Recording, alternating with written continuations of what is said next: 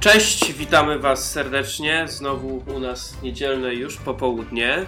Witamy w 16 już odcinku podcastu Małe Filmidło. Jak zwykle jest ze mną kto? No, Przemek oczywiście. Dzień dobry. Dzień dobry. Co tam słychać? Wszystko w porządku? No w porządku. Dzisiaj mam przerwę, nie idę do kina, także możemy porozmawiać chwilkę. Tak, właśnie, bo Przemka miało nie być, ale udało mi się po prostu go na szybko złapać i tutaj szybkie nagranie robimy. To co? Zaczniemy, co? Nie będziemy jakoś tam przeciągać. No pewnie. E, Dzisiaj chcieliśmy tak trochę zmienić formułę, trochę już lżej z newsami niż było ostatnio, więc szybko przez nie przejdziemy.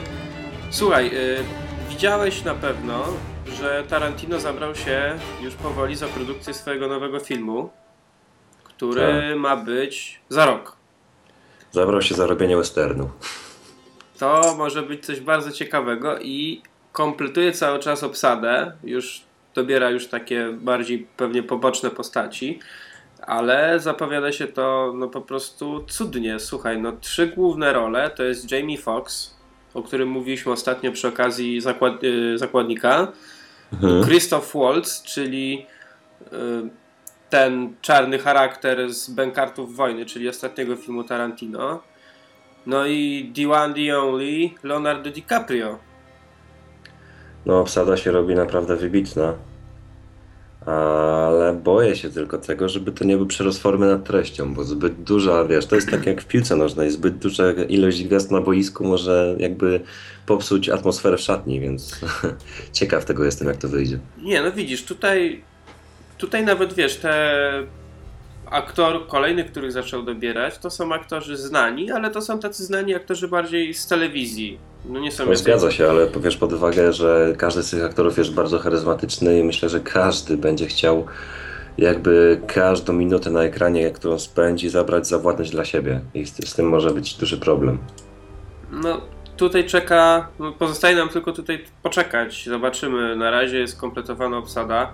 Ja bym bardzo chciał mm, dowiedzieć się czegoś więcej o samej fabule, bo tutaj jest taki na razie tylko krótki, wstępny opis, o tym, że bohaterem filmu będzie niewolnik, którego będzie grać Jamie Foxx, e, który wraz z niemieckim myśliwym, którego gra e, Christoph Waltz, jak można się domyśleć, będzie pla- bę- planuje uratować swoją żonę więzioną przez okrutnego właściciela plantacji, którego tutaj właśnie gra DiCaprio. I to jest też fajna informacja, że DiCaprio gra czarny charakter. Mm, no tak, tak, to, to, to, to też może być dosyć ciekawe, szczególnie, że chłopak zawsze grał te role takie bardziej, bardziej pozytywne, Tak. aczkolwiek też, też czasem, czasem gdzieś tam były wahania pomiędzy jego dobrą, złą naturą, a tutaj może być, może być coś, takie, coś ciekawego, ale weź pod uwagę, że czy kiedykolwiek u Tarantino fabuła miała podstawowe znaczenie? No w sumie nie. I właśnie, Ale- właśnie tu bym się w ogóle nie obawiał, nie obawiał fabuły, bardziej właśnie obawiałbym się, obawiałbym się jakby zderzenia po prostu wielkich gigantów kinematografii w chwili obecnej. Znaczy, ja nie to, że się obawiam tej fabuły, po prostu jestem jej bardzo, bardzo ciekawy, bo no, Tarantino każdym swoim filmem, no ta fabuła po prostu, kurczę, strasznie oryginalna jest w każdym jego filmie, jest nieprzewidywalna, tak naprawdę, zawsze, zawsze nas czymś Tarantino zaskakuje. No zgadza się. Nie jestem fanem może kompletnie wszystkich jego filmów, bo na przykład ja nie przepadam za Kill Billem, No ja nie cierpię Kill Billa, także witaj w klubie. Yy, ale no nie da, nie da, wiesz, yy, nie można powiedzieć, że tam nie było niezwykłej fabuły i także no, aktorstwo też było dobre. Byliśmy u Matt Thurman czy, czy Carradina. Mm, To już tam to, że forma mi nie odpowiadała do końca, to jest rzecz. Ale sam film ogólnie jako film Tarantino to, to było na pewno coś niezwykłego. No tak, tak, no zawsze jakiś, jakiś ciekawy pomysł. I zobaczymy jak tutaj, no kurczę, no, tak jak mówisz, obsada, obsada jest no, fenomenalna, tak, a do tego jeszcze dodać takie nazwiska jak Samuel L. Jackson, Joseph Gordon-Levitt, czy nie wiem, kto tu, Don Johnson nawet, Kurt Russell yy, teraz... Kurt Russell kolejny. Teraz dołączył między innymi y, James Remar.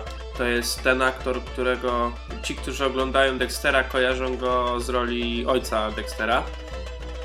Mm, też bardzo fajny aktor.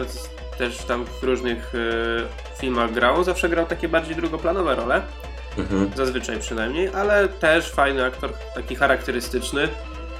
No naprawdę, pod względem obsady film się zapowiada super. Co prawda boję się też trochę, tak jak wcześniej wspomniałeś, że może być za dobrze z tą obsadą. Y, I Znaczy, to na pewno nie boję się przyrostu formy nad treścią, bo Tarantino jakoś tak operuje kiczem, jakby tymi różnymi rodzajami gatunków filmowych, że tutaj jakoś nie ma ryzyka. Tylko właśnie boję się tego, że, że każdy z nich, czy to Christopher Waltz, czy, czy Leonardo DiCaprio po prostu będą chcieli zawładnąć masą wyobraźnią. Jeden pod siebie, drugi pod siebie i wiesz, no zrobi się taki no, niezdrowy, niezdrowy Ale wiesz, miszmasz. tutaj, tutaj jeszcze tak y, przyszło mi na myśl to, że, tera- że jednak aktorzy mają jakby taki trochę szacunek do twórczości Tarantino. Mniej więcej wiedzą, do czego on jest zdolny y, i co on może pokazać i do czego dąży w tych filmach. Więc myślę, że jednak i poza Tarantino to jest taki typ reżysera, który no,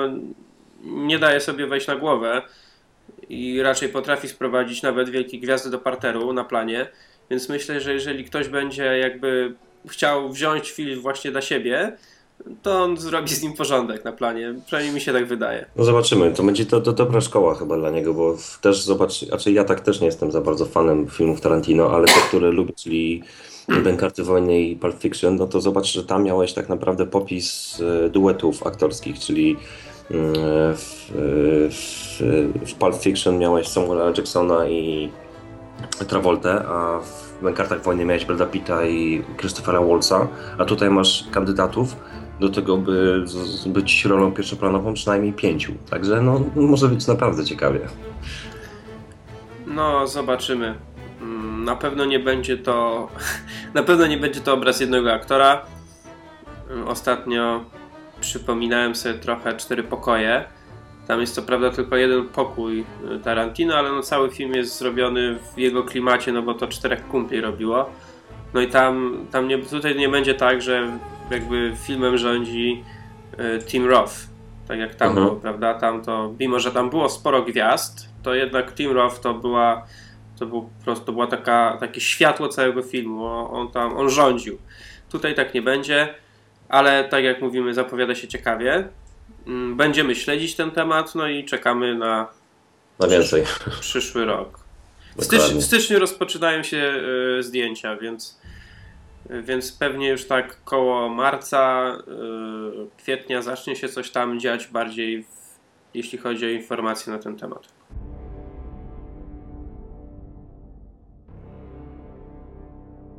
Pojawił się ostatnio zwiastun filmu, który jak, jak się o nim dowiedziałem, to podszedłem do niego bardzo sceptycznie. Uznałem, że trochę nie wiem, że nie wiem po co robić taki film, ale zobaczyłem zwiastun i pomyślałem, że może to być ciekawe. E, A mianowicie ta nowa królewna Śnieżka e, z Kristen Stewart, która moim zdaniem jest paskudna, e, z piękną Charlize Theron, no i z, Pięknie Chris- zbudowanym torem. z pięknie zbudowanym Torem, czyli Chrisem Hemsworthem. Hmm, Wiesz co, ty ja też myślisz? ten trailer wczoraj widziałem, więc dobrze trafiłeś z tematem, bo na świeżo mogę jakoś jakby ocenić swoje wrażenia. I gdyby nie właśnie postać e, One Face e, Girl, no to by było może dosyć, dosyć ciekawie. A tak są od razu obawy, czy, czy aby na pewno ten film może mieć jakiekolwiek, e, jaki, jakikolwiek potencjał. Bo po, po samym trailerze, trailerze no wygląda tak dość, dość, żeby nie powiedzieć fajnie to za, znaczy powiedzieć fajnie to za mało. Ciekawie. Wygląda to ciekawie, moim zdaniem. Dokładnie, dokładnie. Teraz jakaś taka moda, to może za dużo powiedziane, bo jeszcze nie powstało aż tyle tego, ale właśnie mm, robienie takich współczesnych y, wersji, takich wersji dla dorosłych bardziej, y, klasycznych bajek, baśni, czy jak to nazwać, no bo tu mamy Królewnę Śnieżkę, a wcześniej mieliśmy tą nową wersję jakby Czerwonego Kapturka. U nas to chyba Dziewczyna w Czerwonej Pelerynie przetłumaczyli. Tak, tylko że to trochę już takie już trochę abstrakcja, nie wiem czy oglądałeś. No ale- właśnie, nie oglądałem jeszcze, mam się za to zabrać. Yy, Pamiętam, że jak, yy, bo u nas chyba w końcu ten film nie był w kinach, on chyba u nas wyszedł dopiero teraz na, na DVD. Nie wiem, w końcu chyba się dystrybutorzy nie zdecydowali na, na wejście tego filmu na duży ekran. No i tak pamiętam, że jak on wchodził na ekrany tam na zachodzie, to trochę taki dziwny to było, bo czuć było też y, tą stylistykę Zmierzchu, bo to film wyreżyserowała tam reżyserka z pierwszej części Zmierzchu. I tak trochę, trochę dziwnie mi to wyglądało, ale jak słyszałem opinie znajomych o tym filmie, to mówili, że, że całkiem niezły jest, że, że to jest takie ja trochę inne, i... inne spojrzenie, trochę, trochę, trochę inaczej, ale całkiem niezłe. To generalnie jak ja oglądałem mm, właśnie tego czerwonego kapturka, no to nie, nie dałem mu jakiejś wysokiej oceny, ale przy seansie nie było jakiegoś takiego, wiesz, uczucia żenady, tak jak, tak jak często przy zmierzchu, tak? I no, no nie, nie było tak źle. A wracając jeszcze właśnie do naszej One Face Girl, no to ja pamiętasz kiedyś mówiłem ci o takim filmie Wita Witajcie u replayów? Czy, no, A, czy, coś, coś mówiłeś. Czy jakoś tak. No i w tym filmie ona naprawdę pokazała, że jakiś tam potencjał aktorski w niej drzemie. I to jest szansa na to, żeby zrobić może jednak coś ciekawego, może, może nie tylko po prostu tą jedną, jedną zdziwioną, zaskoczoną minę, e, ale z drugiej strony kto będzie na nią patrzył? Masz Charlize Theron, która i tak uratuje sytuację, co by nie było. Masz Christian, masz Chris, nie, yy, Chrisa Hemswortha. No. no to przecież yy, Thor tak naprawdę to należał do niego, tak? Cała reszta filmu, gdyby nie jego jakby poczucie humoru, które tryskało jakby jakaś jego charyzma, no to myślę, że jeżeli widziałeś, a pewnie, a pamiętam, że widziałeś, no to film oceniłbyś zdecydowanie gorzej, tak? No tak, on jednak to on jednak udźwignął cały ten film.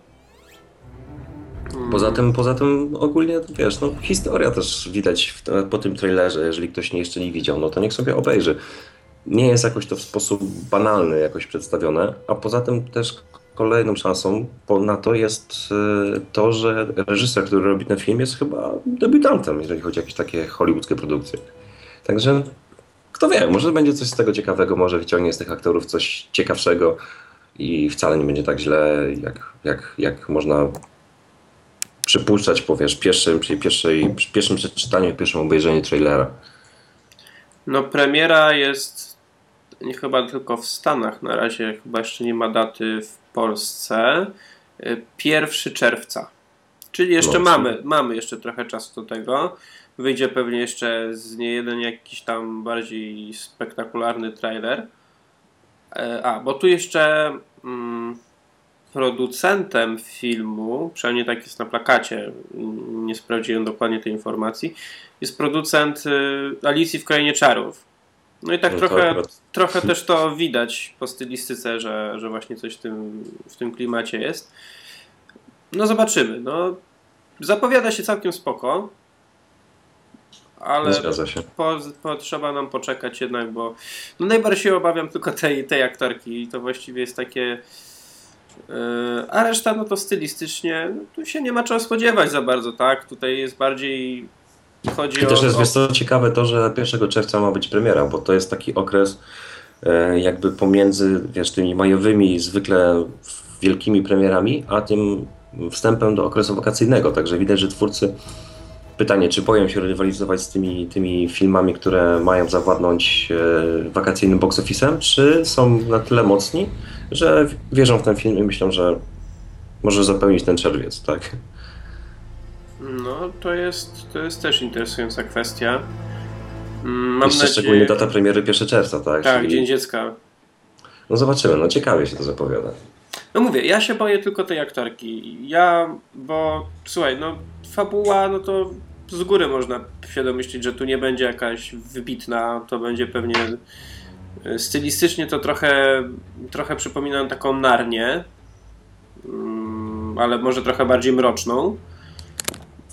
Mm, I może być, może być naprawdę coś ciekawego. No, wizualnie może być, może być to jeden z takich nawet ciekawszych pozycji w przyszłym roku.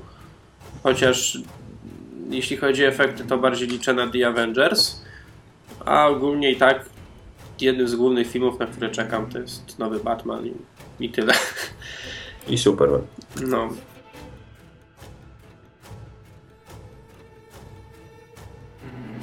Teraz mamy taką w sumie moim zdaniem najciekawszą i na, najfajniejszą informację, która się pojawiła w minionym tygodniu. Y, informowaliśmy Was już tam kiedyś, nie pamiętam dokładnie kiedy to było, że gospodarzem nadchodzącej gali Oscarowej będzie Eddie Murphy. Y, zrezygnował z tej roli, wycofał się z tego. Nie będziemy się zagłębiać dlaczego. Y, I został już wybrany nowy prowadzący, i tutaj jest świetna informacja, bo będzie to genialny Billy Crystal, który już kiedyś był, czy kiedyś, tam w zeszłym roku, w tym roku właściwie, był już brany pod uwagę jako, jako gospodarz następnej gali, no ale został wybrany Eddie Murphy, no ale teraz znowu uznali, że jednak Billy Crystal i to już jest oficjalnie i no świetna, świetna informacja. No, ty będąc fanem Billy'ego Crystala jako prowadzącego Oscarów, no to masz się z czego cieszyć, prawda? No bardzo się cieszę, bo te ostatnie gale, które były w ciągu ostatnich lat, były moim zdaniem bardzo słabe. Jedne były trochę lepsze, jedne gorsze, ale całościowo były słabe. Crystal prowadził już y, galę yy, jejku ile? Osiem razy prowadził, teraz będzie prowadzić dziewiąty. Jedynym, jedyną osobą, która prowadziła częściej galę Oscarową był Bob Hope, ale on to już w ogóle był aż 19. Mm, No i Crystal, zak- ja widziałem chyba na żywo, widziałem chyba dwie gale Oscarowe z Crystalem i no, było to po prostu coś niesamowitego. Majstersztyk, czysta rozrywka, yy, nic sztucznego, nic udawanego, pełna naturalność, świetne teksty, gagi. Y, inteligentne oczywiście, a nie jakieś takie durne na zasadzie tyłek, coś tam, tylko naprawdę, naprawdę rozrywka na wysokim poziomie. No i właściwie taka ta gala powinna być. Ona musi być przede wszystkim rozrywką, bo yy, co innego jak ludzie tam siedzą, a co innego jak mają to oglądać ludzie przed telewizorami. No, ta gala trwa tam z te 2,5-3 godziny. No i jednak to musi się coś dziać, musi być show, żeby ci ludzie chcieli siedzieć przed tym telewizorem, a, a nie tylko usiąść i gapić się tak, wiesz, bez sensu. No muszą, muszą się bawić i ja myślę, że Billy Crystal to jest to jest znakomita gwarancja, że tak będzie. Mm, zgadza się. I w sumie co ja, co ja mogę dodać? No, trzeba epotować odpowiednią charyzmą, żeby poprowadzić taki event jak, jak, jak Oscary. Co prawda podobało mi się w sumie ta zeszłoroczna edycja, aczkolwiek no tak jak mówisz, no, była jedna z lepszych, ale też nie była tak dobra jak za czasów Krystala. No To sumie- była ta z Franco i Zen Tak, Hathaway, tak, tak. Mm, No cóż, no. Poczekamy, zobaczymy. W sumie do Oscaru zostało tam kilka miesięcy. No Tak, stary zobaczę. 27 luty bodajże. Znaczy chyba 6, ale 7 to już będzie u No, nas, zawsze no jakoś u nas- ostatni chyba weekend. Tak, za, za, zazwyczaj, najczęściej tak jest. Mam nadzieję, że już nic się w tej kwestii nie zmieni, jeśli chodzi o prowadzących i wszystko się będzie fajnie rozwijać. Na pewno teraz będziemy No, czekać. myślę, że już nie ma, nie ma prawa się zmienić, bo zobacz, że to z dwa miesiące zostały tak naprawdę przygotowań, bo to jeszcze inne rzeczy i tak dalej, także wiesz, no, Crystal musi się przygotować, scenariusz musi zostać napisany miesiąc przed, miesiąc trzeba trenować, także myślę, że już możesz, możesz spać spokojnie, jeżeli chodzi o Oscary. Mam nadzieję. Teraz już tylko czekać na, na nominację. Tak jest. Mam nadzieję, że będzie ciekawie w tym roku, ale to się okaże. Dobra, mm, taka właściwie ostatnia informacja.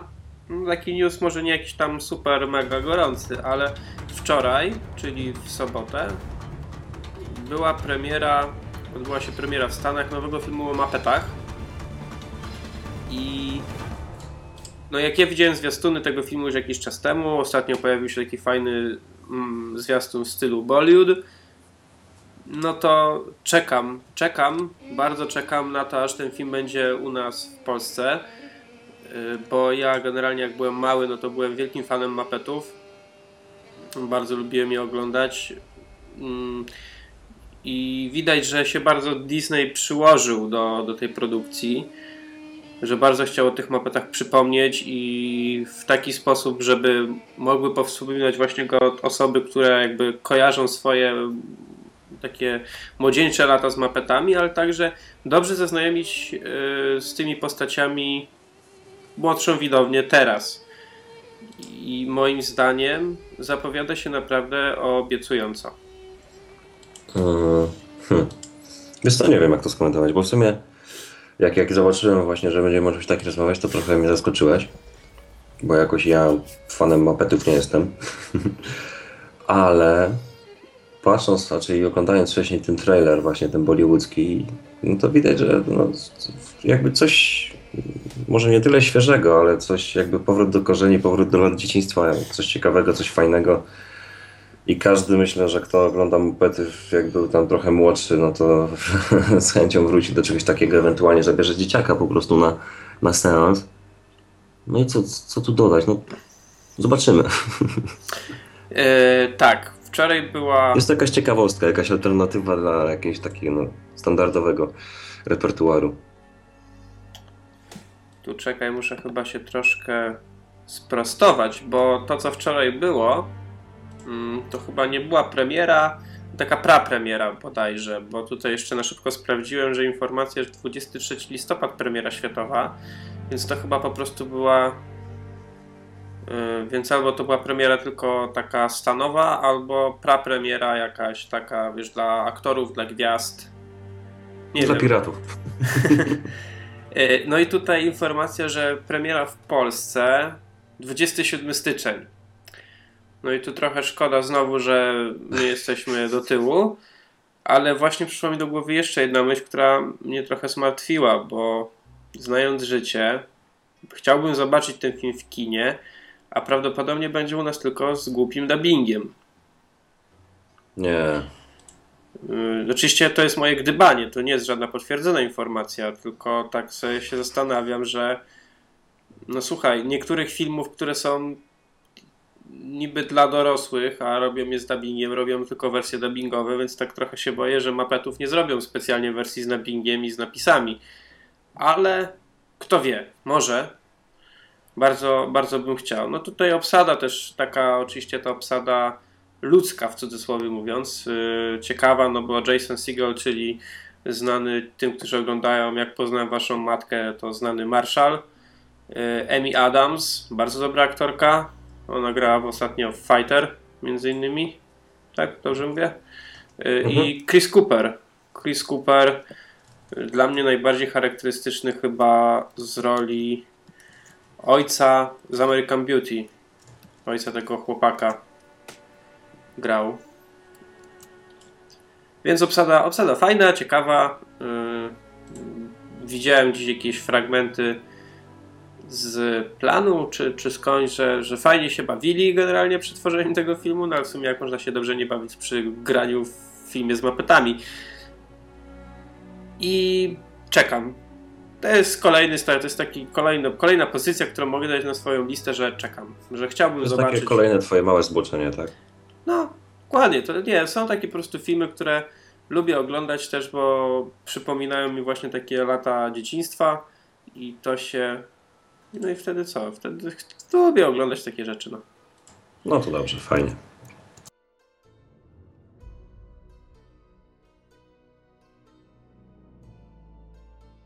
To my sobie teraz przejdziemy do sekcji z filmami. No i nie pozostanie mi nic więcej na pierwszy ogień, aż oddać głos Tobie i opowiesz mi o tym wyczekiwanym Immortals, na którym byłeś ostatnio. No byłem. Znaczy, no tak, wyczekiwanym, no to... No.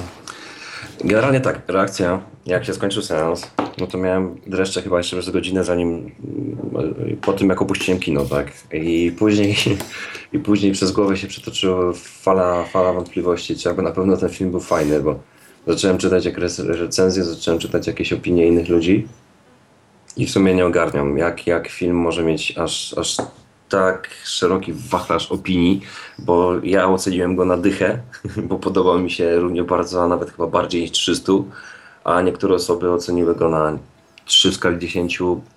Nie wiem, nie wiem czego oczekując tak naprawdę. Mm, bo, bo idąc na taki film, no to czy, czy się spodziewamy jakiejś, nie wiem, bogatej fabuły, czy jakiegoś, nie wiem, fenomenalnego scenariusza? Czy w 300 był jakiś fenomenalny scenariusz? Jakoś, jakoś, jakoś nie, chyba nie bardzo.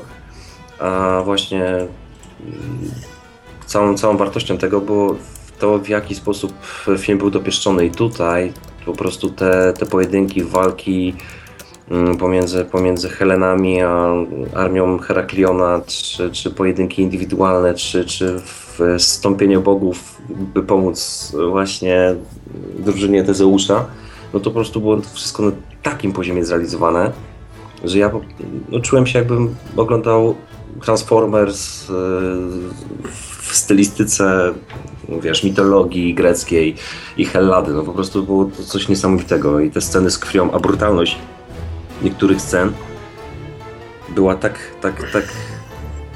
Yy, powiem, powiem nawet, że przerażająca, bo byliśmy znajomymi i dziewczyna mojego znajomego w pewnych momentach, w pewnych momentach aż musiała odwrócić głowę od ekranu, bo, bo, bo było aż, aż tak strasznie. I scena na przykład, nie, ty nie kojarzysz, e, nie oglądasz Paniku Wampirów, ale jest tam jedna postać jednego gościa, który jest no, fajnym, fajnym takim czarnym charakterem. Tu zagrał takiego jakby, można powiedzieć, Judasza. I w jednej scenie, jak młotem takim miażdżą mu jaja, to po prostu sam nie wiesz, czy nie chciałbyś w tym momencie wyjść z kina. I generalnie poza tym jeszcze postać Mikiego Rourke'a, który no, co, co on zrobił w tym filmie, to też jest, to też jest jego sztuka. E, piękne dziewczyny, piękne sceny, budowa nowego Supermana. Po prostu coś, coś niesamowitego. No, dla mnie, dla mnie naprawdę film pod względem właśnie wizualnym prze, przebił 300, myślę, o, o jakąś jedną długość. Mhm. Dobra, najpierw tylko jedno pytanie i nie chcę, żeby po prostu wyszło na to, że tylko to zapamiętałem z twojej powiedzi. Tutaj gra koleś, który gra teraz nowego Supermana, będzie grać, tak? No, A, to nawet Henry Cavill to jest gość, który gra Supermana, tak? To... A nie wiedziałem, że on gra w tym filmie. A, to, to fajnie. To fajnie, dobra. I, powie, i Zwrócę na to to uwagę. też jest dobry prognostyk, że, a czy gdzieś przeczytałem tak samo, że gość jest jakby mdły, tak? Że, że można tak to powiedzieć, no ale ja tego jakoś nie zauważyłem, no. Nie, nie wiem, naprawdę nie ogarniam niektórych opinii, niektórych ludzi. Czyli generalnie mówisz, że stylistycznie majstersztyk. Stylistycznie, wizualnie, muzyka, dźwięk, efekty specjalne, nawet jak na ten budżet, który tu był, e, czy, czy te sceny w zwolnionym tempie, które w, tym zwiastun, w tych zwiastunach, które były, po prostu robiły niesamowite wrażenie, piorunujące wrażenie na dużym ekranie i przy dobrym nagłośnieniu w Cinema właśnie City u nas w Łodzi robiło jeszcze potężniejszy, jeszcze lepszy efekt. No to było po prostu no pod tym względem nie wyobrażam sobie, żeby ktokolwiek mógł cokolwiek temu filmowi zarzucić. Pod względem wizualnym, pod względem właśnie tych wszystkich rzeczy związanych e, z odbiorem właśnie wizualnym. No, majstersztyk. Czyli co? Czyli mówisz, że miło by było, gdyby był kandydat do Oscara za efekty. Wiesz co, może niekoniecznie, chociaż powiem, a czy wiesz to, nie, nie, kurczę, Nie, bo tak myślę z perspektywy, czy mieliśmy w tym roku jakieś takie filmy, które będą nominowane. No wiadomo, Transformers, Transformers. 3, no to, to jest na bank. Yy, No boję się, że nawet jakby byli inni, no to Transformers wygra, no bo niestety Czy wiesz co, Michael znajomy Bay... był też w piątek w kinie na Tintinie i stwierdził, że pod względem właśnie wizualnym yy, no to coś też niesamowitego, tylko pytanie, czy to można pociągnąć właśnie pod kategorię efekty specjalne. Mhm.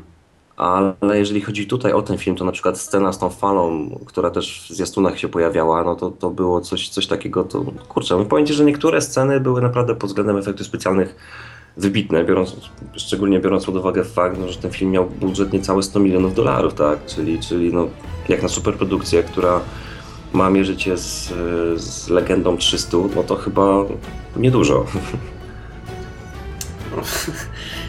Na może na amerykańskie realia to niedużo. No. A słuchaj, a jak mówisz mi chirurg yy, świetnie, yy, a jak, jak aktorsko tak ogólnie? Wiesz co, no... e, Różnie. Bardzo różnie. Henry Cavill, no to był jakby... Nadrabiał wszystko, można powiedzieć, samym sobą, samym sobą jako wyglądem, jako jakby sylwetką. Aktorsko jakimś fenomenalnym, fenomenalną postacią nie był. E, świetnie się spisała, mm, już ci mówię nazwisko, e, Pinto, Frida Pinto, tak? O nią Tak, się chodzi. dokładnie. To Ta jest ta, co dziewczyna z- w Slumdogu. Tak, Tak? dokładnie. Ta dziewczyna po prostu raz, że śliczna, dwa, że też bardzo fajną spełniła rolę tej, tej jakby wyroczni, Mm, trzy, że była bardzo śliczna i 4-5 również była bardzo śliczna, ale w każdym razie bardzo, bardzo dobrze się na nią patrzyło, nie było jakiegoś, jakiegoś takiego, nie wiem, poczucia zażenowania czy czegoś, że ona po prostu tam nie pasuje. Poza tym bardzo fajne były te postacie jakby drugoplanowe. Wiadomo, że te wszystkie dialogi i tak dalej, to wszystko można było lepiej dopracować i tak dalej, ale nie zmienia to faktu, że były tam sceny, które na pewno zapadną ci w pamięć, teksty, które zapadną ci w pamięć. Mm, tak jak z 300 miałeś tam niektóre elementy, które po prostu jesteś obejrzałeś. Sparta. No na przykład właśnie wiesz, tutaj fight for your honor, fight for your immortality, tak? Które mm, wiesz, niewielka armia, która broni całej Hellady i przemówienie Tezeusza, no to było też coś, coś niesamowitego, jak oni w te tarcze uderzali, czy, czy scena na, ja- no, na samym początku filmu, jak em, właśnie e, król Hyperion, czyli postać grana przez Mikliko Rourke'a, em, przyjechała, przybyła do jakiegoś klasztoru za, z- i generalnie jest taką postacią, która nie ma żadnego poszanowania dla wiesz, tej świętości religii bogów. Wpada do klasztoru, do, do, do świątyni, każe wszystko zniszczyć tak naprawdę i temu kaponowi, który jakby tam jest szefem wszystkich szefów, gość jest na, wiesz, na kolanach, jest dobra taka scena, on go oblewa bodajże jakimś winem i tak dalej. E, I w pewnym momencie Rourke mówi let me light on you, czy jakoś na takiej zasadzie on powiedział, nie pamiętam dokładnie, i rzuca w niego pochodnią. Mhm. To wyobraź sobie, co w tym momencie się dzieje, tak? E, Także no, są sceny, które no, pobudzają wyobraźnię, zapada, zapa, zapadają w pamięć i warto, warto obejrzeć. Trochę może, tak jak moja dziewczyna stwierdziła, trochę było kilka elementów, które sprawiały niedosyt, ale na dłuższą metę, no to moim zdaniem, no to, to jest fenomen A, po prostu. Słuchaj, taka kwestia jeszcze, bo ten film jest 3D, tak? Znaczy, wiesz co, był w 3D, ale tego 3D to też było jak na lekarstwo na szczęście. Aha. Tylko, że też widać było, że był kręcony chyba jakąś lepszą technologią, bo jednak bez okularów nie dało się go oglądać. A, no to spoko. Próbowałem nie, no- kilka razy. To. Nie no, pewnie się przejdę, może. Może co, I generalnie film trwa dwie godziny Aha. i ja tak naprawdę nie wiedziałem, kiedy te dwie godziny mi zleciały. A, no to, to to jest jedna z największych zalet rozmaitych filmów, że y, trwają trochę czasu, ale no nie nudzisz się, tak? Nie musisz patrzeć na zegarek. Ja generalnie rzadko mam tak, że, że patrzę na zegarek, ale parę razy mi się to zdarzyło i I to też, też tak naprawdę mm, ta dziewczyna, czekaj, jak ona się nazywała? Freda Pinto. Wiesz, nie każdy lubi taką urodę, to z drugiej strony ma dziewczynę, która się nazywa Izabel Lucas, która gra Atenę. I to jest zupełnie też odmienny typ urody. Blondynka, niebieskie oczy, czy jakieś takie szafirowe, nie wiem jakie to ona ma oczy. Niebieskie. I też jest po prostu też piękna dziewczyna. E, I to jest ta jedna, ta dziewczyna, która grała w drugiej części Immortals, e, tą taką dziewczynę robot. w drugiej wiem, części kojarzysz. czego? Powiedziałeś... E, Nie Immortals, tylko Transformers. Aha, W tym akademiku pamiętasz tą scenę, co była ta. co Megan wpadła, nakryła A, właśnie pamiętam. bohatera. A, No to to właśnie tak. to była ta dziewczyna. I też no po prostu bosko to wygląda. no, I, I pojedynki w ogóle, wiesz, pomiędzy tytanami. I też, też to jest fajnie zrobione, że ci tytani to, wiesz, nie jest jakiś kosmos, że są, wiesz, po prostu tytanami, że są wielcy, potężni, olbrzymi, tylko są po prostu... Wyglądają tak samo, ale widać, że mają jakąś tam potężną moc, tak? Tak samo bogowie, no to też nie są tacy bogowie, jak możemy pamiętać z podstawówki czy z gimnazjum, gdzie mieliśmy wszystkich przedstawionych jako starców, jako, wiesz... mm, Jak, no w ogóle nie, nie, kogoś, kogo nie kojarzyłbyś z Bogiem, a tutaj masz młodych, e, wyrzeźbionych, wyżyłowanych, dobrze wyglądających e, i naprawdę potężnych bogów, tak? Patrzysz na niego, widzisz, że on po prostu jest boski. Ja tutaj tylko tak trochę zejdę z... zejdę na inny tor, żeby tak wyjaśnić pewną kwestię. Przemek często tak się zachwyca na przykład budową różnych aktorów czy coś, bo on ma tam swój przedstaw zresztą co ty masz, bo, bo to tak może Ja niektórych mam czasami projekt, który się nazywa Ruszamy się i generalnie po prostu mam, mam jakby e, zboczenie na punkcie sylwetki u aktorów. Lubię patrzeć, lubię generalnie obserwować w jaki sposób, jak, jak w cudowny sposób można dojść do zbudowania fenomenalnej sylwetki i zawsze, zawsze mam przed oczami postać Christiana Bale'a, No właśnie chciałem o tym e, wspomnieć. jego, jego postać, jego postać mechaniku, gdzie ważył tam 50 coś kilo e, wyglądał jak, jak totalny suchar, wyglądał jak dziecko z Etiopii, a później, bodajże chyba półtora roku później miał już... Jak nie mniej nawet. ale półtora roku później już miał 40 kg więcej, a doszło do tego przez chyba rok czasu, w momencie, gdy pracowali nad, nad Dark Knightem, raczej nad Batman Begins. I, i no, zrobienie czegoś takiego to jest, to jest, to jest e, swoisty fenomen. I kolejnym fenomenem, tak jak był Gerard Butler w e, 300, to pamiętam też, kiedyś czytałem w Men's Health artykuł właśnie o tym, że on kilka miesięcy przygotowywał się do tej roli, a później przez trzy miesiące e, nie był w stanie jakby normalnie żyć e, i przez pół roku wegetował, zanim doszedł do takiej, jakby do takiej mm, dawnej sprawności. Mhm. Bo jednak no, trzeba zauważyć, że olbrzymi wysiłek fizyczny to jest olbrzymie poświęcenie nie tylko psychiczne, ale też, też fizyczne. I gdy człowiek, no, zresztą tak jak sportowcy, tak, ile razy jest tak, że sportowiec po prostu dyleje na mecie, bo, bo już po prostu nie ma siły, bo wyda z siebie wszystko i tak właśnie mm, Dlatego ja bardzo doceniam to, w jaki sposób aktorzy, aktorzy prezentują się na planie. No, to tak było kwoli wyjaśnienia tylko, żeby mogliście parę razy po prostu to zauważyć. I więc y, tak przy okazji po prostu jeżeli lubicie aktywność, jeżeli lubicie się ruszać, to wejdźcie sobie na ruszamy się.pl, tak dobrze mówię? Dokładnie. Mm, I tam możecie sobie po prostu dzielić się swoją aktywnością z innymi. Naprawdę bardzo fajna rzecz. Sam, sam mam nadzieję już w najbliższym czasie z tego skorzystam. I No, jak potrzebuje ktoś motywacji do tego, żeby cokolwiek ze sobą zrobić, no to nie ma lepszej, lepszej motywacji niż chwalenie się z czymkolwiek, co się zrobiło ze znajomymi. mm, dokładnie. Dlatego ja się dzielę ze znajomymi, jakie filmy oglądam. No i to jest, to To jest bardzo też. dobre.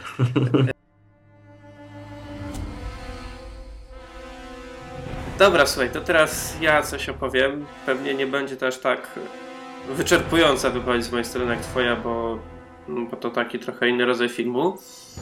Byłem, Ale też tego jestem ciekaw, co, co zaraz. Byłem- byłem w tym tygodniu w kinie na dokumencie y, pod tytułem Chodorkowski.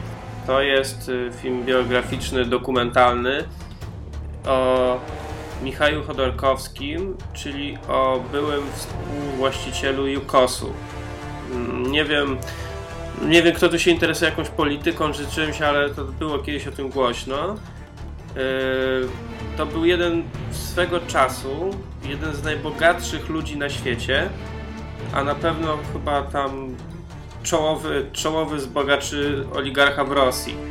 On był chyba, miał, dostał, dostał chyba nawet tytuł swego czasu najbogatszego człowieka na świecie przed 40. Mm, I była taka, taka sprawa ogólnie, że on w 2003-2004 roku został e, skazany na 9 lat więzienia. Mm, Na 9, no tam coś takiego, już nie pamiętam dokładnie. E, No oficjalnie za, za niepłacenie podatków. Tylko, że nawet w Rosji za zwykłe niepłacenie podatków nie, nie zsyła się ludzi na Sybir. E, A tak się właśnie stało z Chodorkowskim. E, No nieoficjalnie oczywiście, no i tak generalnie wszyscy je, jakby jego jego zwolennicy to tak może y, za duże słowo, ale ludzie, którzy sprzeciwiają się temu, że temu aresztowaniu, że to po prostu sprawa czysto polityczna w Rosji, tak, że nie chciał jakby mm, działać na rękę Putinowi i no i za to został skazany i potem dostał jeszcze dodatkowo parę lat, nadal tam siedzi, siedzi w tym więzieniu. No i film, ja trochę się bałem pójść na ten film, bo znajoma chciała ze mną właśnie pójść do kina i miała do, był do wyboru Chodorkowski albo ewentualnie później yy, o północy w Paryżu, który ja już co prawda widziałem, ale ona nie widziała, że ja lubię Alena, to bym z chęcią zobaczył. Ale pomyślała, a chodźmy na, na to, nie? No dobra, poszliśmy. Mm, Zaczęliśmy oglądać.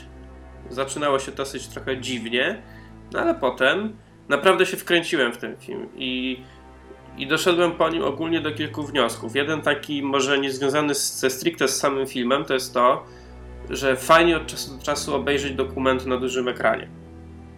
To jest, może w większości wydać się trochę dziwne, ale przecież mamy nawet festiwale, na których są tylko dokumenty pokazywane I, I fajnie to zobaczyć. Fajnie zobaczyć dokument też z dużą ilością osób innych, żeby patrzeć na reakcje na dany temat. I to na pewno takie miłe. Ja już byłem tam kiedyś na jakichś dokumentach, ale daw, dawno temu. I na pewno było dla mnie to bardzo fajne doświadczenie. Mm, drugi wniosek to stwierdzam, że jednak Rosja to jest bardzo dziwny kraj. Yy, pełen różnych w ogóle rzeczy, które no, dla nas może jeszcze nie są takie bardzo, bardzo dziwne, no bo my jednak żyliśmy w tym całym bloku wschodnim i jakby mieliśmy tą komunę nad nami, więc pewne rzeczy trochę tam są podobne.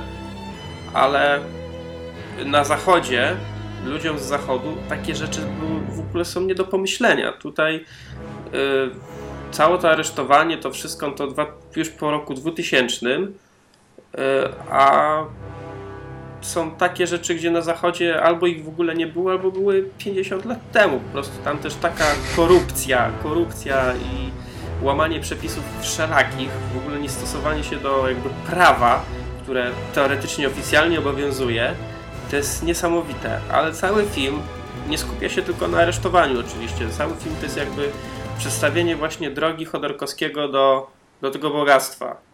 To jest człowiek, który pasjonował się chemią, Y, studiował właśnie chemię w Instytucie Mendelejewa, tam poznał swoją pierwszą żonę, mm, potem założył, y, założył bank, jeden z pierwszych takich większych banków w Rosji, które po upadku komunizmu oczywiście był, tam jest właśnie taka poruszona kwestia, w jaki sposób ten bank się tak rozwinął, bo Y, jak po upadku komunizmu w Rosji tworzyły się rozmaite spółki, to to nie było tak, że sobie zakładaliście spółkę i spółka wam się rozwijała, tylko żeby spółka coś osiągnęła, to musiała być dosyć mocno dofinansowana przez państwo.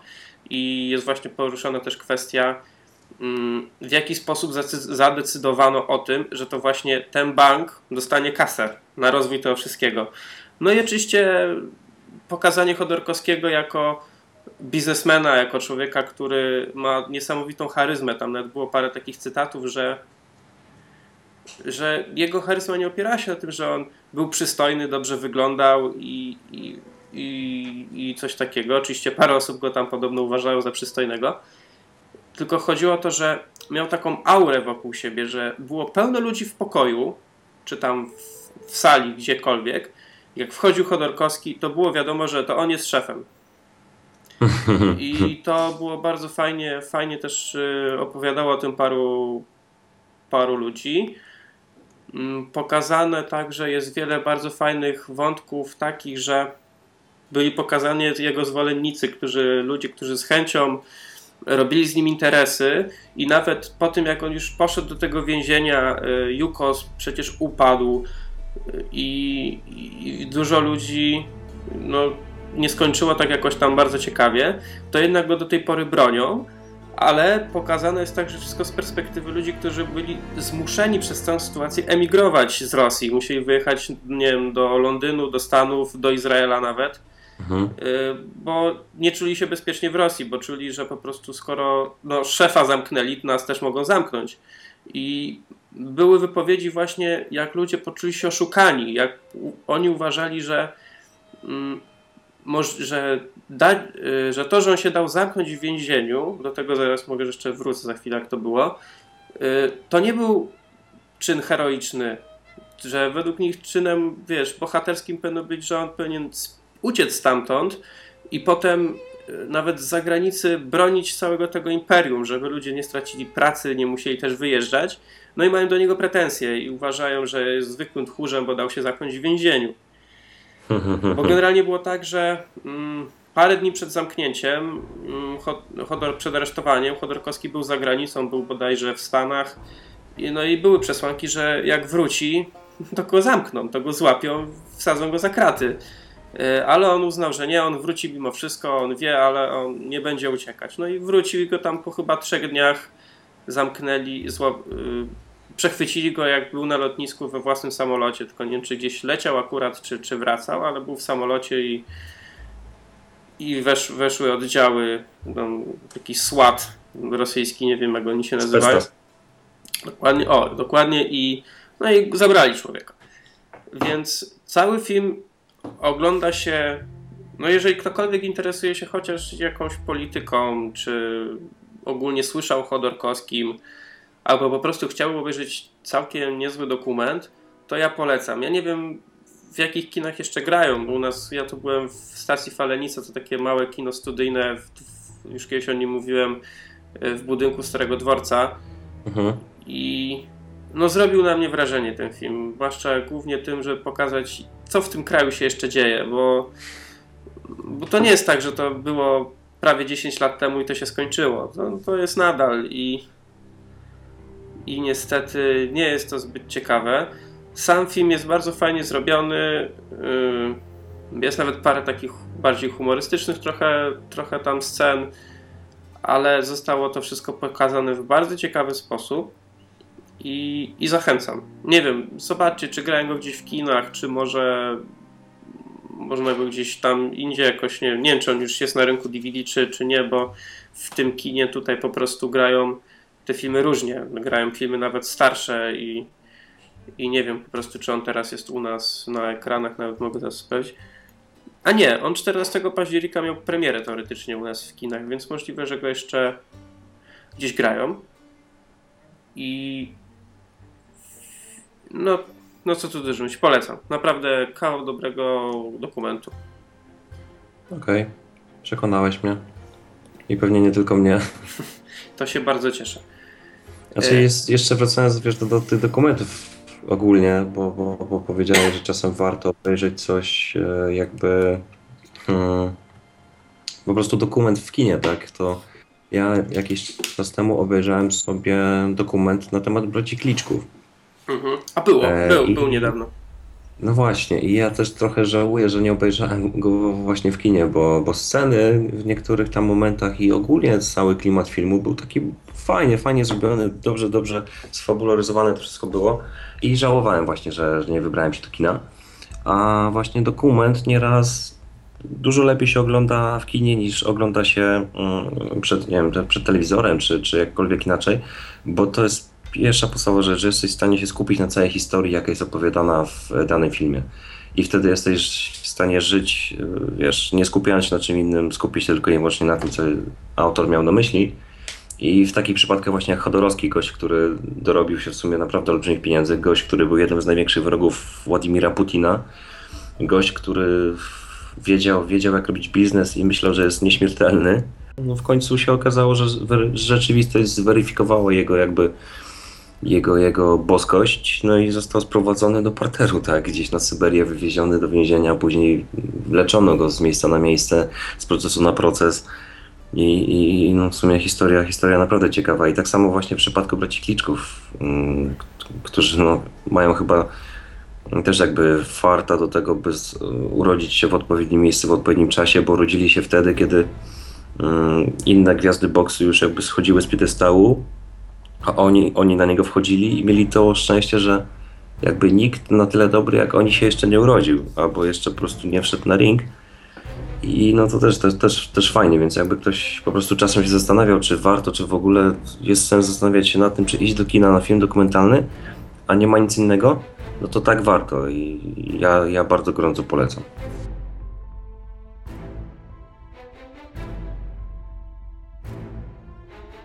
O, dzisiaj chcieliśmy poruszyć, opowiedzieć o jeszcze jednym filmie.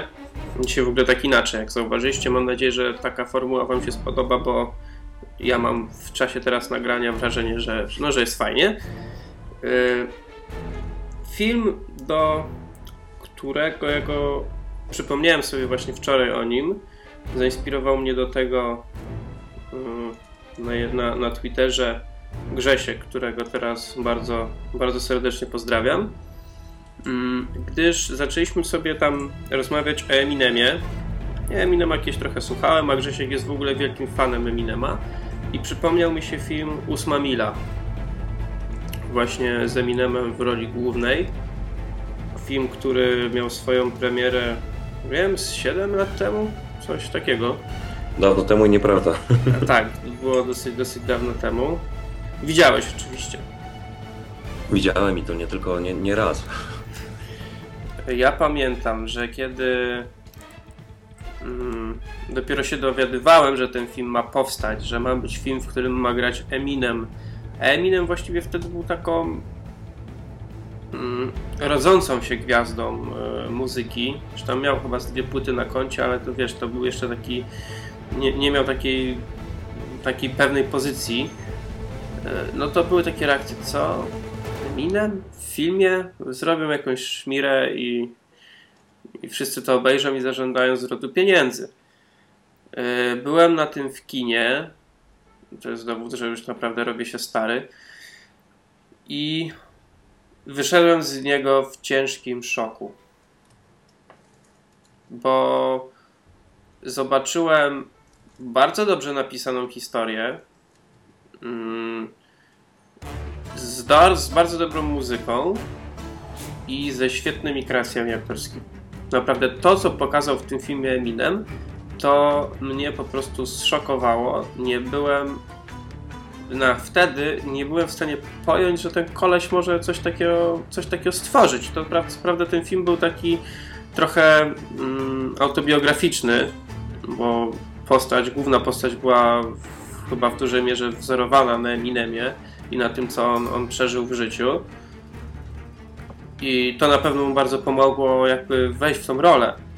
Ale no, dla mnie to było coś niesamowitego. Dodatkowo jeszcze partnerująca mu między innymi Brittany Murphy już świętej pamięci, bo dziewczyna młodo od nas odeszła bodajże z dwa lata temu. Yy, drugoplanowa rola Kim Basinger, która grała matkę postaci Eminema. Yy, no i jeszcze parę innych takich drugoplanowych ról, ale film moim zdaniem świetny. Eminem chyba nawet dostał Oscara za ten film, co prawda nie za, nie za główną rolę, a za piosenkę, Którego nie odebrał. ale no, na, należało się, bo naprawdę ten film jest, no tutaj powtórzę się jeszcze raz, rewelacyjny. Jest film rewelacyjny, piosenka ta właśnie, za którą Eminem dostał e, Oscara też jest rewelacyjna. Oscara oczywiście nie odebrał, bo stwierdził, że z komerchą nie chce mieć nic, wspólnego. A jeszcze jeżeli chodzi o sam film, no to w ogóle cała historia tam, no tak jak mówisz, no to jest mm, jakby fabulozowana historia Eminema, czyli chłopak znikąd, e, który chciał rapować w mieście pełnym ludzi o innym kolorze skóry niż on, którzy po prostu talentu rapu odziedziczyli chyba z pokolenia na pokolenie. I on, jeden taki rodzynek, który gdzieś tam próbował coś zrobić. I te wszystkie jego perypetie na tych wszystkich bitwach hip-hopowych, rapowych, e, te, ten, ten motyw z pisaniem właśnie tej piosenki, tej, tej przewodniej na kartce papieru w autobusie podczas drogi z pracy i do pracy. Czy, czy jak, jakby tam ta historia miłosna właśnie z Brittany Murphy, no ogólnie naprawdę fajna, fajna historia, fajny film. I tak jak mówię, no ja, ja nawet mam go w swojej kolekcji DVD, także kilka razy już go oglądałem, na pewno jeszcze w przyszłości go kilka razy obejrzę, bo, bo zdecydowanie warto. Szczególnie, że no, no tak jak powiedziałeś, no kreacje aktorskie, które tutaj są, no to jest coś, coś niesamowitego. To jest film niewątpliwie smutny, ale pokazujący, znaczy smutny ogólnie jak się ogląda perypetie tego człowieka, tak, że, że Znaczy, co, może nie, ja bym nie powiedział, że smutny, Ale bo on bardziej daj- taki daj mi American doko- Dream. Daj mi dokończyć. Nie, nie dam ci dokończyć. Z jednej strony jest smutny, ale z drugiej pokazuje nam, już pewnie parę razy mówiliśmy o czymś takim przy innych filmach, że jeżeli, się do, jeżeli czegoś się chce i się dąży do tego, to można to osiągnąć. Że trzeba walczyć o to właśnie, czego się pragnie i wtedy na pewno wszystko się skończy dobrze. Czasami wcześniej, czasami później, ale zawsze tak będzie. I historia przedstawiona w tym filmie, a na pewno także sama historia Eminema, yy, bardzo dobrze to obrazuje. To jest taka taka wersja muzyczna jakby Rockiego, że jeżeli masz doła, potrzebujesz jakiejś dobrej motywacji, w życiu nic ci nie wychodzi, obejrzyj ten film, zobaczysz, że trzeba dostać po dupie przynajmniej 20 razy, ale w końcu trzeba podnieść się z kolan i w końcu robiąc swoje, robiąc to dobrze, osiągniesz swój cel. I jeżeli ktoś naprawdę potrzebuje, potrzebuje jakiegoś kopa do tego, żeby zrobić coś ze sobą, ewentualnie trzymać się w tym, co robi, no to właśnie Ósma Mila jest jednym z takich filmów, które potrafią dobrze zmobilizować. Tutaj chyba już nic dodać, nic ująć. Mm, dlatego zakończymy tą sekcję z filmami. No tak, w tym momencie wyszły nam trzy filmy.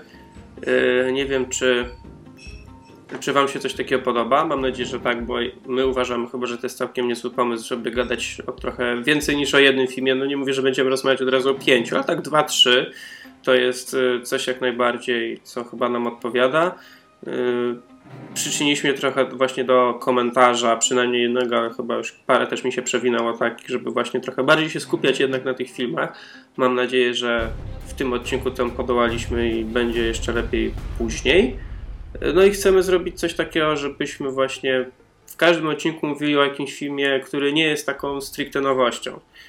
Yy, tak jak właśnie teraz powiedzieliśmy o tej ósmej mili, no to która ma już te 9 lat, bo tak spojrzałem, że 2002 rok. Yy, no i chcemy właśnie robić coś takiego. Ale teraz, ale teraz przejdźmy do, do serialu.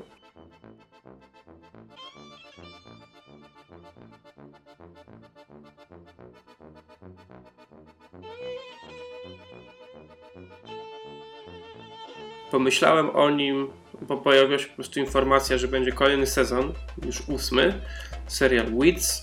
U nas po prostu trawka. Trawka. Trawka. Jak nie trudno się domyśleć, jest coś tam związane z hodowlą ogrodu yy, i, i tego typu rzeczami. Mhm. Ale od początku. Serial opowiada o kobiecie, która ma dwójkę dzieci. Jej mąż umiera. No po prostu Mhm. miał zawał, coś. Coś. Mieszka ona sobie tam na cudownych amerykańskich przedmieściach, wiesz, wymarzeni sąsiedzi, wszystko ładnie, zawsze świeci słońce i, i chce się wstawać, no ale nagle no, świat się wali, tak? Głowa rodziny umiera, nie ma pieniędzy. Y, Ona tam też nigdy nie była jakąś tam bizneswoman, tylko bardziej zajmowała się domem, wychowywaniem dzieciaków. Y, No i co? Cudowna amerykańska mamusia wpada na genialny pomysł, czyli będzie y, sprzedaw, handlować marihuaną. Jupi! I ogólnie serial jest stacji Showtime, czyli no dość lubianej przez nas stacji, bo, bo robią parę fajnych seriali typu Dexter, Californication, czy nawet nasz czarny koń tegoroczny, czyli Homeland. I muszę powiedzieć, że trzy pierwsze sezony tego serialu to jest po prostu miocio. To jest, to jest rewelacja. To jest bardzo fajny humor, fajni aktorzy, fajny pomysł ogólnie, fajne zwroty akcji e, i to wszystko jeszcze w takiej fajnej tej stylistyce tych handlarzy narkotyków i tak jak zwykła, zwykła właśnie amerykańska mamusia musi się w tym wszystkim odnaleźć. Ym, Jest naprawdę, naprawdę coś fajnego. Później moim zdaniem serial zaczyna trochę kuleć, bo e, twórcy trochę się plączą już moim zdaniem we wszystkim, już wiesz, za bardzo kombinują. Mhm. Mm, Ja zrobiłem raz właśnie trochę postój w tym serialu, bo już po prostu w pewnym momencie mnie trochę tak nudził, że już nie chciałem się oglądać, ale nadrobiłem do szóstego sezonu, no i oglądałem teraz siódmy, który był, był emitowany. Mm, Ten Mhm. siódmy, szósty był straszny. Szósty to była masakra. Ja szósty ledwo obejrzałem. Y, Ten ostatni, który był, czyli siódmy, mm, był całkiem niezły.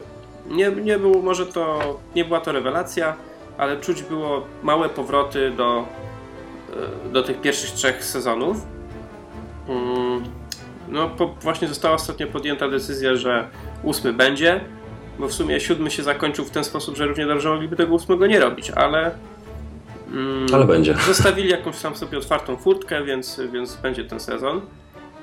Yy, No i teraz tak się zastanawiam, czy mam wam go polecić, czy nie. Na pewno pierwsze trzy sezony. Pierwsze trzy sezony na pewno wam polecam, bo tak jak wspomniałem wcześniej, jest to bardzo fajny serial, bardzo fajna rozrywka i odcinki nie są długie, bo trwają tam od 20 do 30 minut, bo tam różnie trwają. I, i jeden sezon tam ma średnio chyba po 13 odcinków, jakoś tak. Nie pamiętam już dokładnie. Mhm. mie- między, między 13 a 18, bo one jakoś tam się trochę zmieniały, ale takie nie ma nie, niecałe 20 odcinków na pewno ma każdy, każdy sezon. I, I to się szybko naprawdę ogląda. Ja Pamiętam, że te sezony to tak wchłaniałem.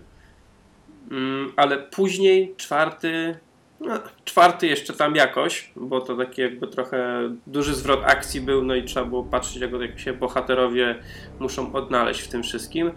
Ale piąty i szósty to, tak jak mówię, to, to nie było nic ciekawego. Siódmy to z przyzwyczajenia obejrzałem. Yy, więc polecam na pewno pierwsze trzy sezony. Skoro ty polecasz, to nie To można marsz, o, marsz oglądać. Nie no, wiesz co, ja, ja tam pamiętam też, tak jak ci wspominałem kiedyś, że mm, zabrałem się kiedyś za, za jakby za ten serial, ale szybko jakoś z niego zrezygnowałem i nie wiem, może to jest też kwestia tego, że to też nie jest poczucie humoru, które do mnie przemawia, sam nie wiem, ale może, może się do tego wróci.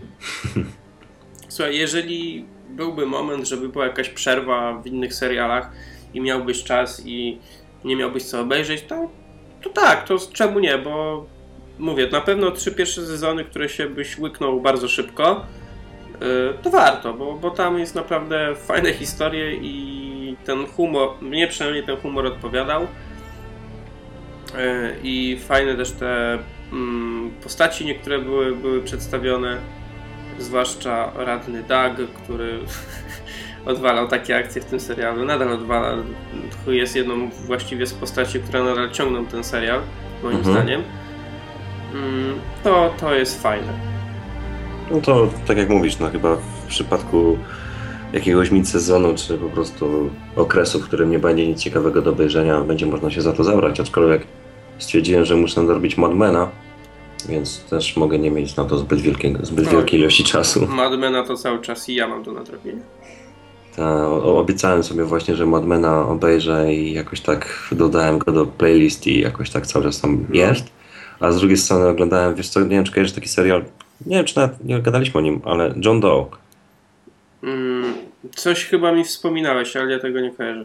I powiem ci, że kurczę, irytuje mnie, gdy serial ma naprawdę fajny potencjał, a nie potrafią go zrobić na tyle dobrze, by nie, nie dało się go kontynuować, bo naprawdę tutaj historia, wiesz, gościa, który stracił niby pamięć, ale wie wszystko, tylko nie to, kim jest, no jest, jest ma olbrzymi potencjał i, i serial ogólnie fajny i Dominic Purcell, czyli ten znany między innymi, nie wiem, z Blade'a czy, czy z Prison Breaka. Tak, no.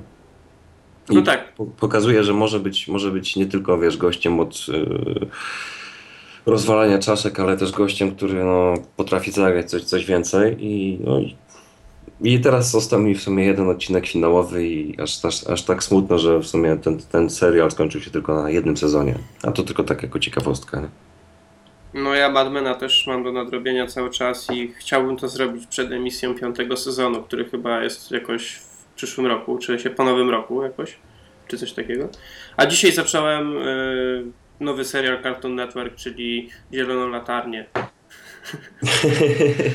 Ale to po prostu ja mam nadal w sobie trochę z dzieciaka i czasami muszę coś takiego pooglądać. I skoro już oglądam te Star Wars, y, Clone Wars, no to już wyszła teraz nowa seria właśnie. Wczoraj był pilotażowy 40-minutowy odcinek Zielonej Latarni, no to czemu mam nie obejrzeć?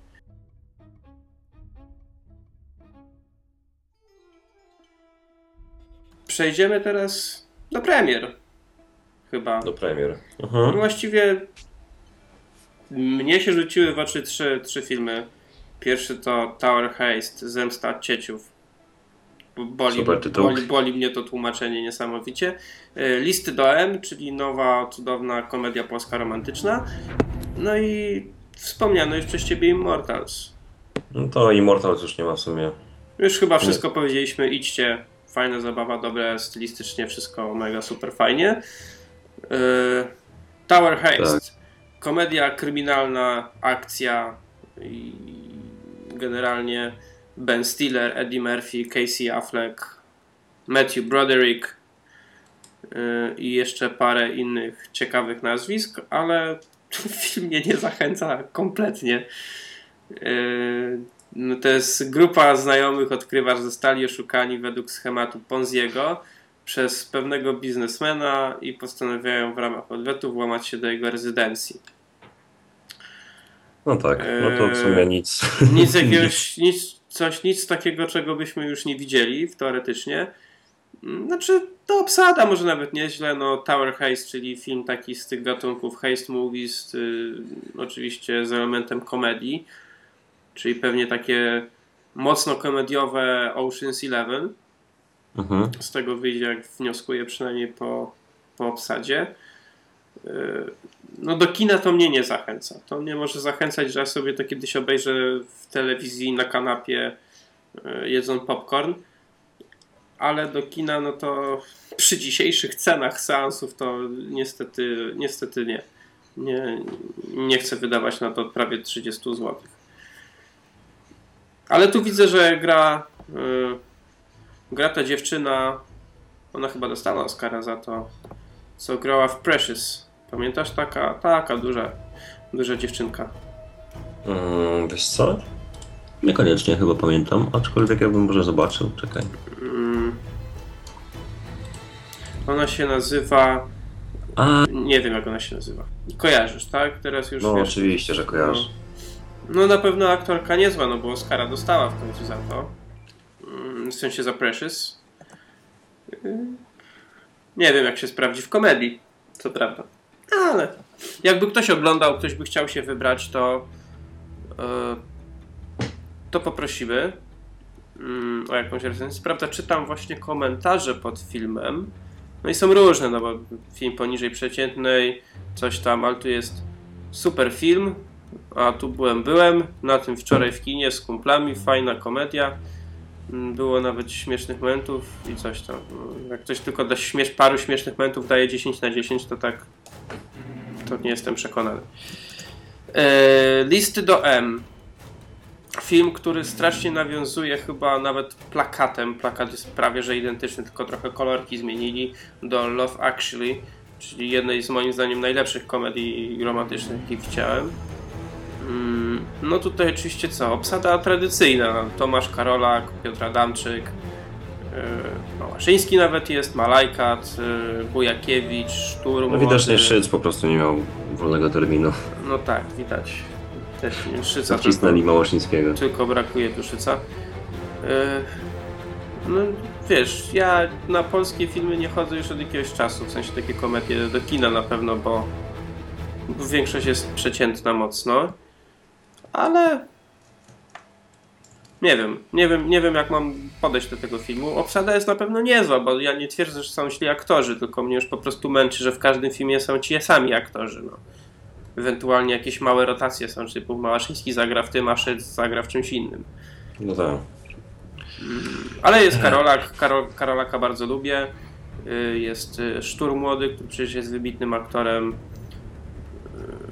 Kto tu? Adamczyk, który gra już naprawdę we wszystkim. Y, Małaszyński też dobry aktor, Malajkat. Nie no.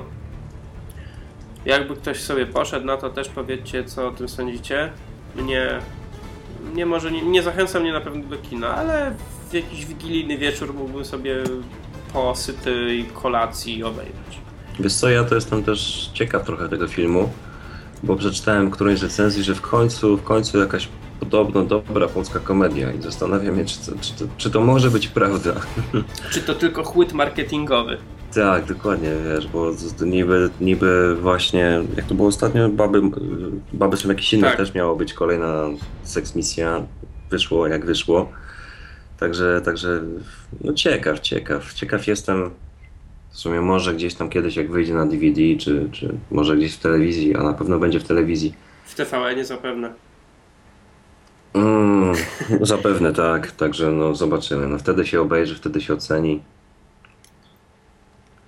No niestety coraz rzadziej jest coś do polecania ze w kinach, przynajmniej z takich filmów, mm, wiecie, popularniejszych, bo ojejku, Sorry, prawie żeś mi słuchawki z oszu zdmuchnął. wybacz.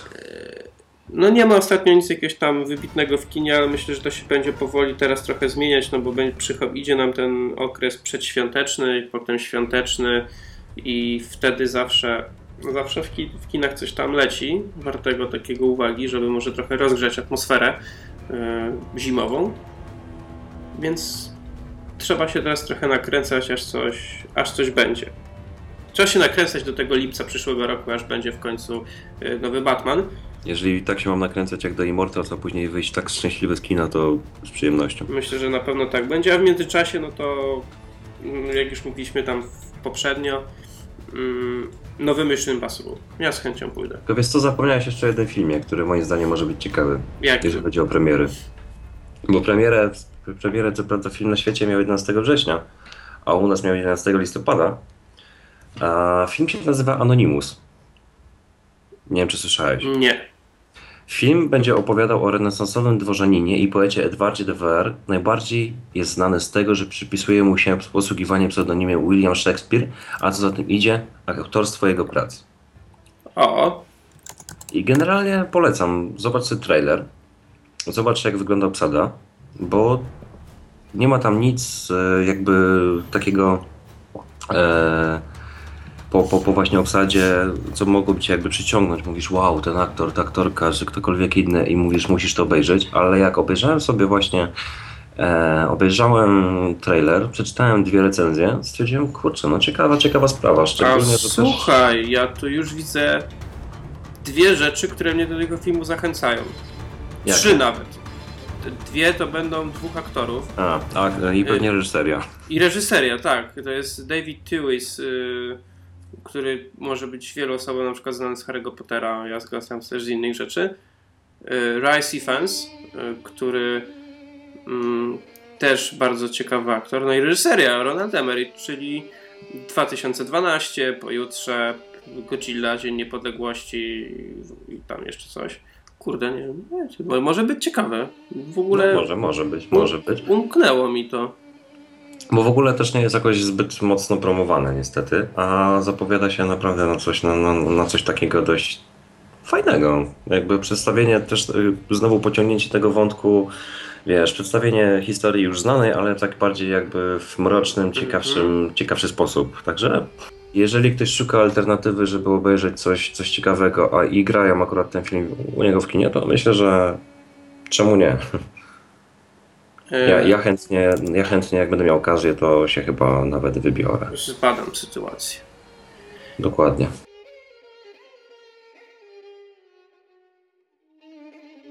Dobra, słuchajcie.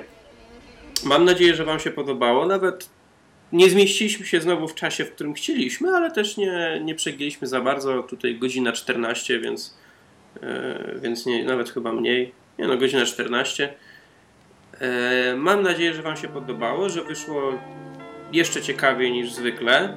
Że też nie goniliśmy tak na szybko, na szybko, tylko mogliśmy trochę sobie pogadać, ale też Yy, nie skupialiśmy się na jakiejś nie wiadomo jakiej liczbie tematów.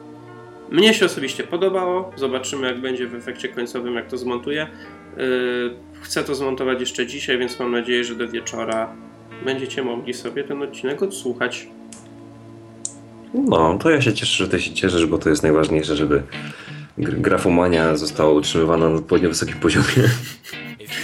Yy, No dobra, to co? Dziękujemy Wam jeszcze raz za słuchanie 16 odcinka i do usłyszenia za tydzień. Do usłyszenia za tydzień. Trzymajcie się, cześć. Yo. His palms are sweaty, knees weak, arms are heavy. There's vomit on his sweater already. Mom's spaghetti, he's nervous, but on the surface he looks calm and ready to drop bombs. But he keeps on forgetting what he wrote down. The whole crowd goes so loud, he opens his mouth, but the words won't come out. He's choking how? Everybody's choking now. The clock's run out, time's up, over, loud. Snap back to reality. Oh, there goes gravity. Oh, there goes gravity. Choke. He's so mad, but he won't give up. Daddies, he know he won't have it. He knows his whole back to these ropes. It don't matter. He's dope. He knows that, but he's broke. He's so stagnant. He knows when he goes back to this mobile home. That's when it's back to the lab again, yo. This old rhapsody better go capture this moment and hope it don't. You better lose yourself in the music the moment you own it. You better never let it go. You only get one shot. Do not miss your chance to blow. This opportunity comes once in a the music, the moment you own it, you better never let it go. You only get one shot, do not miss your chance to blow. This opportunity comes once in a lifetime. You better. Souls escaping through this hole that is gaping. This world is mine for the taking. Make me king as we move toward a new world order. A normal life is boring, but superstardom's close to postmortem. It only grows